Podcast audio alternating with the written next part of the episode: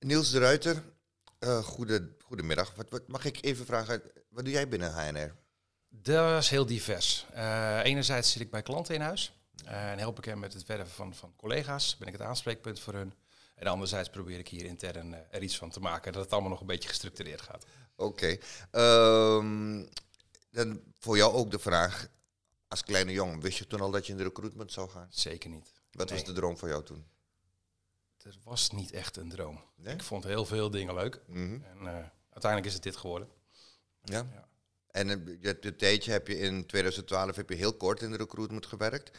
Uh, als consultant. Daarna verzekeringen en bankaire wereld gedaan. Ja. Ja, dus zat, hoe is dat gegaan? Er zat eigenlijk iets voor. Ik, ehm, ik wist nooit zo goed wat ik wilde. Deed uiteindelijk een, een bank- en verzekeringswezenopleiding. Um, ik was 19 en ik liep stage bij een bank. En toen kwam daar een jongen van 17 binnenwandelen. En, en die heet Franklin. En uh, die ging allemaal dingen doen met klanten die hij eigenlijk zelf niet mocht vanwege zijn leeftijd. Wij hebben altijd contact gehouden. Ik ben wat langer in het bank- en verzekeringswezen uh, gebleven. Ik heb een jaar of veertien op interimbasis gewerkt door heel Nederland. Uh, als interim leidinggevende of, of andere soortige functies. Um, op een gegeven moment was ik klant bij HNR. En um, ja, zodoende kende ik HNR. En uiteindelijk in gesprek geraakt met Franklin weer opnieuw na al die jaren. En uh, toen ben ik eens een keer mee geweest naar zo'n zo'n wervingsdag. Want mijn beeld van recruitment was toch anders dan dat we hier doen. Ja, wat was jouw beeld? Het traditionele cv schuiven. Uh, horizontaal. Horizontaal uh, plaatsen. Ja, horizontaal plaatsen. eigenlijk geen rocket science. Schieten met hagel. Dat was eigenlijk mijn beeld. Ja, ja. Maar toch ja, in gesprek gegaan met Franklin. En toen ben ik eens een keer tijdens die sollicitatieprocedure meegegaan uh, na zo'n wervingsmoment. En dat was voor mij de klik. Ik denk, hé, hey, dit hier wil ik bij horen. Ja. Nou, wat, wat, waar ik dan op aansta, je hebt als, ja, je hebt als interim gewerkt, 15 jaar lang op verschillende posities. Dus je hebt ook verschillende soorten culturen meegemaakt van verschillende soorten bedrijven. Um, zag je daar ook al dat, dat recruitment eigenlijk anders moest? Um, of heb je daar nooit, ben je daar nooit mee bezig? Er zat een onderbuikgevoel van, nou, dit werkt eigenlijk niet zo lekker. Mm. Um, maar eh, als je als manager ergens werkt, is, is je werving maar een heel klein gedeelte. En je bent afhankelijk van een HR die je cv's levert. En dan ga je in gesprek, ja of nee. Um, en dan zag je ook hele bijzondere dingen gebeuren. Ja. Um, ja, dus dat onderbuikgevoel zat er altijd wel van. Ja, maar die, die frustratie lijkt me ook dat je zeker als je als interim werkt, dus je moet bepaalde slagen maken. En dan mhm. krijg je iemand aangeleverd op basis van een cv. Ja. En dan blijkt na twee weken, je, wat heb ik nu weer in huis gehaald? Ja. ja, klopt. Ja. En daarom vond ik het soms ook wel fijn om, om ook weer interimmers in te huren. Ja. ja. Oké, als, je, als je dan nu kijkt naar recruitment nu, zoals, zoals jullie het hier doen, en hoe je in 2012 veel in een korte periode dat gedaan hebt. Ja. ja wat is het allergrootste verschil voor jou? Um, er is één heel groot verschil, is dat het nu niet op basis van cv gaat. In coronatijd is er wel één overeenkomst, want in 2012 deed ik dat voor een landelijk bedrijf. En zat ik ook achter een webcam. En dat is nu helaas weer zo. dus dat is wel erg jammer. Um, ja, momenteel doen we niet, niet superveel wervingsdagen, uh, maar gelukkig wel digitaal. En dat is gewoon heel fijn. Ja. ja. Als je nou in huis zit bij bedrijven, ik uh, heb het eerder ook besproken met, uh, met Franklin, als je, als je in, als je in house zit, um, hoe, hoe bouw je de relatie goed op om, om, om de juiste feel te krijgen van wat er in het... Moet je echt ook fysiek aanwezig zijn daar? Je moet fysiek aanwezig zijn, je moet iedereen kennen, iedereen leren kennen. wat dat betreft verschilt het niet heel veel van een interim opdracht. Mm Je gaat ergens heen, je maakt het bedrijf je eigen. Uh, je gaat goed luisteren. Wat speelt er? Wat speelt er uh, op de werkvloer? Wat hebben ze nodig?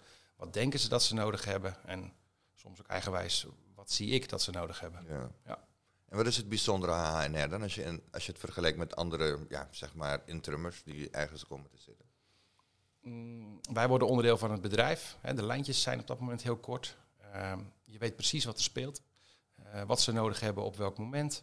Um, het maakt ook dat je naar de kandidaten toe heel duidelijk kunt vertellen wat het bedrijf is. En um, veel beter een match kunt maken. Hè, anders dan traditioneel een cv schuiven. Ja. Maar ik kan me ook voorstellen dat mensen dan in het bedrijf koudwatervrees hebben. Ik bedoel, een HR-afdeling of zo. Die denkt, ja, komen ze met hun nieuwe methode? Dat zit ik helemaal niet. Hoe, hoe, krijg je, hoe, hoe, haal je mensen over de streep? Ik denk dat dat uiteindelijk onze grootste uitdaging is vaak. Het vinden van de juiste klant. En het vinden van een klant, een bedrijf dat dit durft. Een bedrijf moet moment dat ze het op onze manier gaan doen, best wel wat zekerheden loslaten. Ze zijn gewend om in een cv te zitten, op basis van het cv het gesprek te voeren. En dat moeten ze loslaten. Dat betekent voor ons dat als we bij een bedrijf binnenkomen, eh, en een bedrijf zegt ja, we zijn akkoord, dat we vervolgens het nog een aantal keer moeten verkopen aan alle hiring managers. Nee, we gaan het op deze manier doen. Ja, maar ik doe het al 30 jaar zo. Ja, dat klopt. Ja. En wat, wat, ja, dus dat, dat probeer ik ook. Begrijp dat je dus daar tegenaan loopt. Maar hoe kun je de mensen die overtuiging van jongens, haal je voorbeelden aan, eh, laat je ze kennis maken met de. Wat is de beste manier om mensen? Want um, kijk, waarom ik dit vraag, ik kan me voorstellen dat er in corporate Nederland nog heel veel niet weerstand is, maar ja, dat er heel veel vragen zijn van ja, maar hoe, hoe werkt het dan? Wat doe je dan? Hoe kan je die mensen. Want ik weet ook, HR is over het algemeen heel erg stug. Die zitten in bepaalde. Uh, in een bepaald stramien, dat willen ze graag ook zo houden, een bepaalde controle. Jij komt binnen, je bent eigenlijk disruptief bezig. Ja en nee. Ik denk dat uh, de HR-afdelingen doorgaans wel heel erg ons, ons verhaal omarmen. Uh, want die zijn opgeleid om naar de mens te kijken. Um, die doen dat al voor een deel. Die zitten ook niet in de dagelijkse beslommeringen van, van de dagelijkse operatie. Dus die voelen die druk ook veel minder om, om, om naar cv te kijken. Um, ik denk dat HR vaak eerst onze partner is juist. En dat daarna um, de hiring managers, de bedrijfsleiders, de chefs, de voormannen, de teamleiders Um, dat we die moeten overtuigen van hoe we dat doen. Ja. En de beste manier om ze te overtuigen is om gewoon uh, ze mee te nemen naar zo'n wervingsdag. Uh, ze daarbij te betrekken en het te laten ervaren. Uh, dat is de allerbeste manier. Ja. Nou, dat is het voordeel van, zeg maar, als je in een bedrijf zit, is duidelijk. Van je, je, je, kent de cultuur, je weet ongeveer. Maar wat is het voordeel naar de, ten opzichte van de kandidaten die je zoekt als je in-house zit? Die kandidaat die gaat iets heel belangrijks doen die gaat een, een, nieuwe baan zoeken. En dat is uiteindelijk een van de meest spannende dingen die een mens in zijn leven doet. Een nieuwe baan vinden. Um, en als wij dan de juiste match kunnen maken, en dat zien we ook terug in de cijfers. Hè, uh, het percentage mensen dat er na een jaar of twee jaar nog zit, is, is uh, ongelooflijk hoog. Veel, veel hoger ja. dan bij de traditionele manier. Ja, dan zijn we daar echt van toegevoegde waarde. Ja. Dus het, het helpt gewoon om de cultuur te kennen, dat je ook weet wat je zoekt in een kandidaat. Ja, past deze persoon ja of nee? Ja, heb, je, heb je vaak ook iets dat je, want ja, je, je komt met zeven, acht kandidaten, dat je een beetje hebt van, nou, eigenlijk weet ik het al, die wordt het. Uh, of uh, raak je ook nog steeds verrast in, uh, na zo'n uh, selectieproces? We raken nog steeds verrast. Ja? Ja, ja. ja, en soms zijn we een klein beetje eigenwijs en, en um, nodigen we toch iemand uit waarvan we weten dat ze op basis van cv niet uitgenodigd zouden worden. En als je dan toch alsnog een match ziet ontstaan, en de klant zegt, wauw, ik had deze persoon op basis van cv niet aangenomen, maar volgende maand werkt hij wel bij ons. Ja, ja dan hebben wij het goed gedaan. heb je het goed ja. ja, ja. ja en, en merk je dan ook als je in-house zit dat, dat, mensen, dat mensen daar nog vaak over hebben? Dat ze zeggen van nou, als je kijkt nu, die, die Robbie die je had gehaald, die hadden we nooit gedacht. Maar als je ziet wat hij nu in het bedrijf doet. Zeker, ja, dat werkt heel erg. En wat helpt is dat we tijdens die, die, die wervingsdagen of dagdelen ook de mensen van de vloer uh, betrekken. Uh, dus die mogen ook iets vinden van een nieuwe collega. Dus die kennen zijn verhaal. En dat, dat werkt ongelooflijk goed. Ja. Hoe zit dat? Is, is, het, is het, maakt het de onboarding makkelijker volgens jou? Het maakt de onboarding veel makkelijker, ja. Um, in de traditionele manier, uh, hè, waarbij een, een, een, manager beslist, we nemen Robbie aan. Mm. En, en, vervolgens tegen zijn team zegt, hier heb je Robbie, succes. Zijn ze dan betrokken, de mensen van de vloer? Nee. Hè, ze krijgen weer een nieuwe collega en het, het zal wel. weer de strot geduwd eigenlijk. Juist. En op het moment dat zij hebben mogen ervaren wie Robbie is, daar een mening over hebben mogen geven na afloop van zo'n wervingsdag, dan zijn ze betrokken. En dan landt zo'n persoon ook veel makkelijker. Ja. Dus je, je, je creëert eigenlijk al een warm bad voor de kandidaat Zeker. door die selectieprocedure die je... Absoluut, uh, ja. Als ja. je mensen betrekt, dan, dan worden ze betrokken. Ja. Nou, nou kan ik me voorstellen, je doet ook heel veel uh, in de techniek, doe je heel veel, uh, plaats je heel veel mensen. Je werkt heel veel met technische bedrijven. techneuten zijn vaak niet de meest um, spraakzame mensen. Die praten niet graag over hun persoonlijkheid. Die, die zijn liever met hun vak bezig. Um, of zie ik dat... Op, als, ik verkeerd, als, ik, als ik verkeerde vooroordelen ja. heb, alsjeblieft, laat me weten. Ik denk dat het zo is. Want uiteindelijk zijn het ook mensen. Ja. met al hun behoeftes en wensen. En ze zijn het misschien niet zo gewend. Maar als je mensen op hun gemak kunt stellen... en dat doen wij ook tijdens zo'n wervingsdag... en er is interesse in jou hè, als mens... Um, dan gaat dat even goed bij iemand die wat dan ook gestudeerd heeft of wat dan ook gedaan heeft. Ja. ja.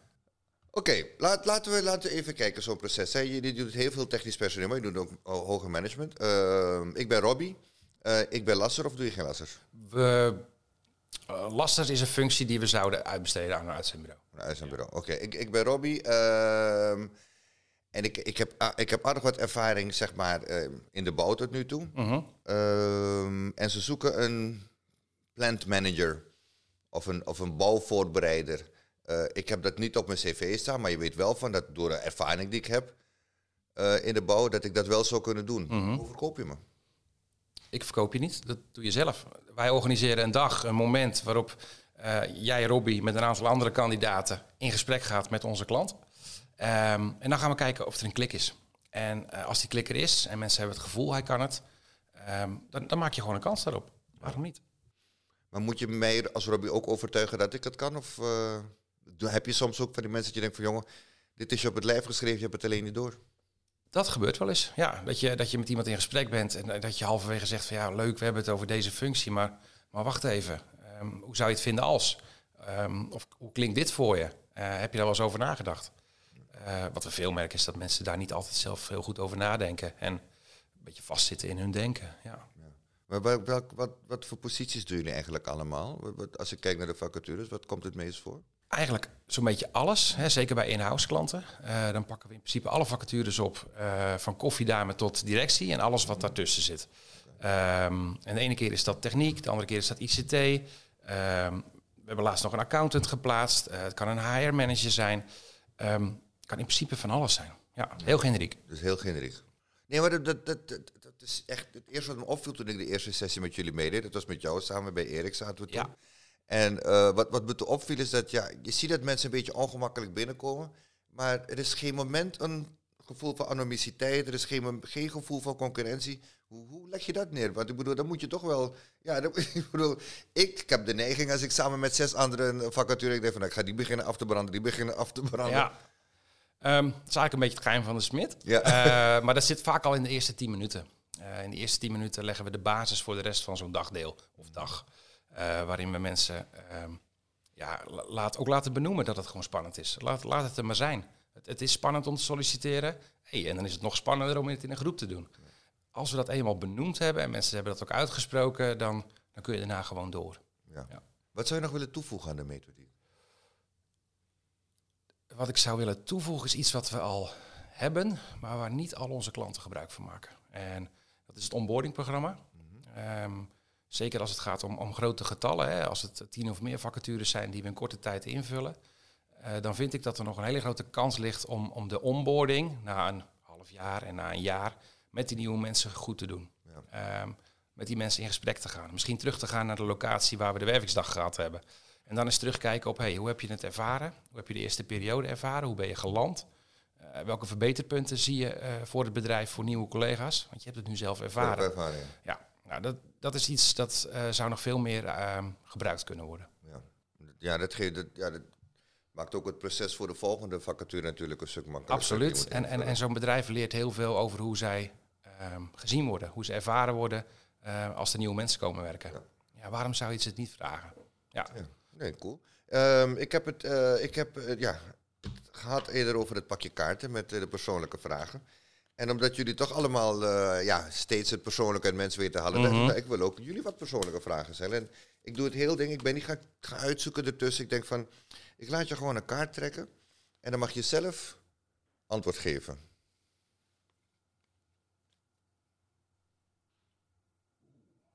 is moeilijk. De, de, vraag is, wat zou je in de toekomst anders doen met de kennis van nu?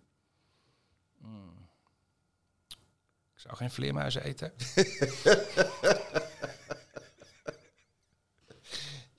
Je zou niet voor de Surinaamse Centrale Bank werken, ja. Jawel, dat is een mooie, mooie ervaring. Waar is die? Um, wat zou je in de toekomst anders doen met de kennis van nu? Um, ja, ik zou, ik zou minder hangen aan uh, hoe uh, de, de, de, de, wereld dingen ziet. Uh, mensen worden vaak opgeleid ehm, eh, met het idee van, joh, jongen of meisje, ga een goede opleiding doen en, en dan, dan krijg je een goede baan. Juist. Um, ja, dat, ik ben zelf vader, dat, dat ga ik anders doen. Ja, veel minder de focus op die goede opleiding of, of wat dan ook. Eh, ga vooral doen wat je, wat je leuk vindt. Van mij. Ja, wij, ja, heb ik ook met mijn kinderen gedaan. Want Ja, ik heb, een Surinaamse, ik heb Surinaamse ouders en die hebben gewoon een triple A-choice. Je wordt architect, uh, je advocaat. wordt advocaat of je wordt arts. Ja. Meer keuze is er niet. Ik dacht, nou, er is nog een artiest. Daar waren ze niet echt happy mee. Maar ik heb wel gemerkt van, ik heb mijn kinderen gewoon gezegd van, ga iets doen waar je gelukkig van wordt. En die zijn veel sneller geland dan ik geland ben. Uh, dus ja, ja, dat vind ik een hele mooie. En je ziet het ook bij de mensen die wij plaatsen. Hè. Een heel groot gedeelte van de mensen die wij uiteindelijk plaatsen of die wij tegenkomen in het werkveld, die hebben iets heel anders gestudeerd dan dat ze doen. Ja. ja. Ik ga je nog eentje laten trekken. Ik vind het wel leuk. Ik vind het Zo leer ik je ook beter kennen. Waar denk je nu aan? Waar ben ik in godsnaam beland? ja, wat zit ik hier te doen? Podcast, hoe dan? um, Waar denk je nu aan? Nou, voor zelfbescherming ga ik je volgende geven. Ja, dank je. ik weet wat je nu denkt. En dat is voor niemand leuk op beeld. Voor mij zeker niet. Dus ah, dit is interessant, hè? Hier heb ik het toevallig van de week met mijn vrouw over gehad. Hoe wil je dat mensen je herinneren? Ja. En uh, dat is een hele diepe vraag. Want dat, dat, de vraag is eigenlijk, wat, wat willen ze dat je bij je begrafenis over je gezegd wordt? Ja, daar sta je ehm, eigenlijk nooit bij stil. Ja, ik, ik toevallig deze week. En um, uiteindelijk is dat een makkelijke en een moeilijke vraag tegelijk. Um, wat ik zou willen is dat um, mijn vrouw zegt dat ik een leuke vent was. Ja, dat is heel belangrijk. Heel uh, dat mijn dochter zegt dat ik een leuke vader was. Dat, dat vrienden en familie zeggen dat, dat ik van waarde was voor hun in hun leven. Omdat ik ze geholpen heb of dat ik een keer geluisterd heb of wat dan ook. Ja, ja. ik vind uh, materiële dingen is niet belangrijk. Uh, dat zijn de dingen die er te doen. Ja, precies. Ja. Ik zou het leuk vinden als mensen af en toe zeggen, oh, dat, is dat was die gast waar ik een keer om gelachen heb. Ja. ik heb werk goed gedaan. je, je, hebt, je hebt net het verschil duidelijk gemaakt van het uh, 2012, hoe de recruitment ging en hoe het nu gaat. Als we nou negen jaar vooruit kijken, 2030. Ja. Hoe, zie, hoe ziet de recruitment er dan uit? In de ideale wereld uh, zie, zie, ik wel een toename van het, van het digitale. En dat kan zijn uh, de eerste contacten die je met een bedrijf hebt, het, het matchen op, op uh, op jouw kwaliteit met de, uh, wat het bedrijf te bieden heeft voor je of andersom. Um, maar wat ik ook met name zie is dat het persoonlijke heel belangrijk blijft. En ik denk dat daar onze HNM-methode daar onwijs goed op aansluit. Uiteindelijk komt er een mens werken in een bedrijf. En, dus het moet persoonlijk en het moet gaan over wie je bent. Ja. En uh, als je kijkt naar de problemen of euvels in het recruitmentproces van bedrijven, wat, wat zal door de HNR-methodiek tot het verleden gaan behoren in 2030? Wat tot het verleden gaat behoren, is dat iemand een cv onder ogen krijgt. Ja, hij krijgt het cv gewoon niet meer. Ja. Opzouten bij het cv. Dat komt later wel. Een komt later wel. Ja. Geen aannames, geen vooroordelen op basis van cv. Uh, geen manager die zegt, ja maar wacht even, toen heeft hij een half jaar niet gewerkt. Of hey, hij is drie opleidingen begonnen en hij heeft de vierde pas afgemaakt. Of hey, hij heeft in twee jaar tijd bij drie banen gewerkt. Ik wil hem niet eens spreken. Dat, dat, dat gaat niet meer gebeuren. Nee. Nee. Dat we echt naar het punt gaan van dat wat je gedaan hebt nu belangrijk is. Juist. Ja, precies. En wat is jouw persoonlijke missie nog, tot slot? Mm, ik zou willen dat we met HNR um, ehm, dusdanig bekend worden dat men het in de branche steeds vaker gaat hebben over de HNR-methode. Ja. En dat het gewoon een uh, gestandaardiseerde methode wordt die bedrijven omarmen. Ja. Net als Luxeflex. Luxeflex, ja. De HNR-methode. we gaan ervoor. Dankjewel, man. Alsjeblieft.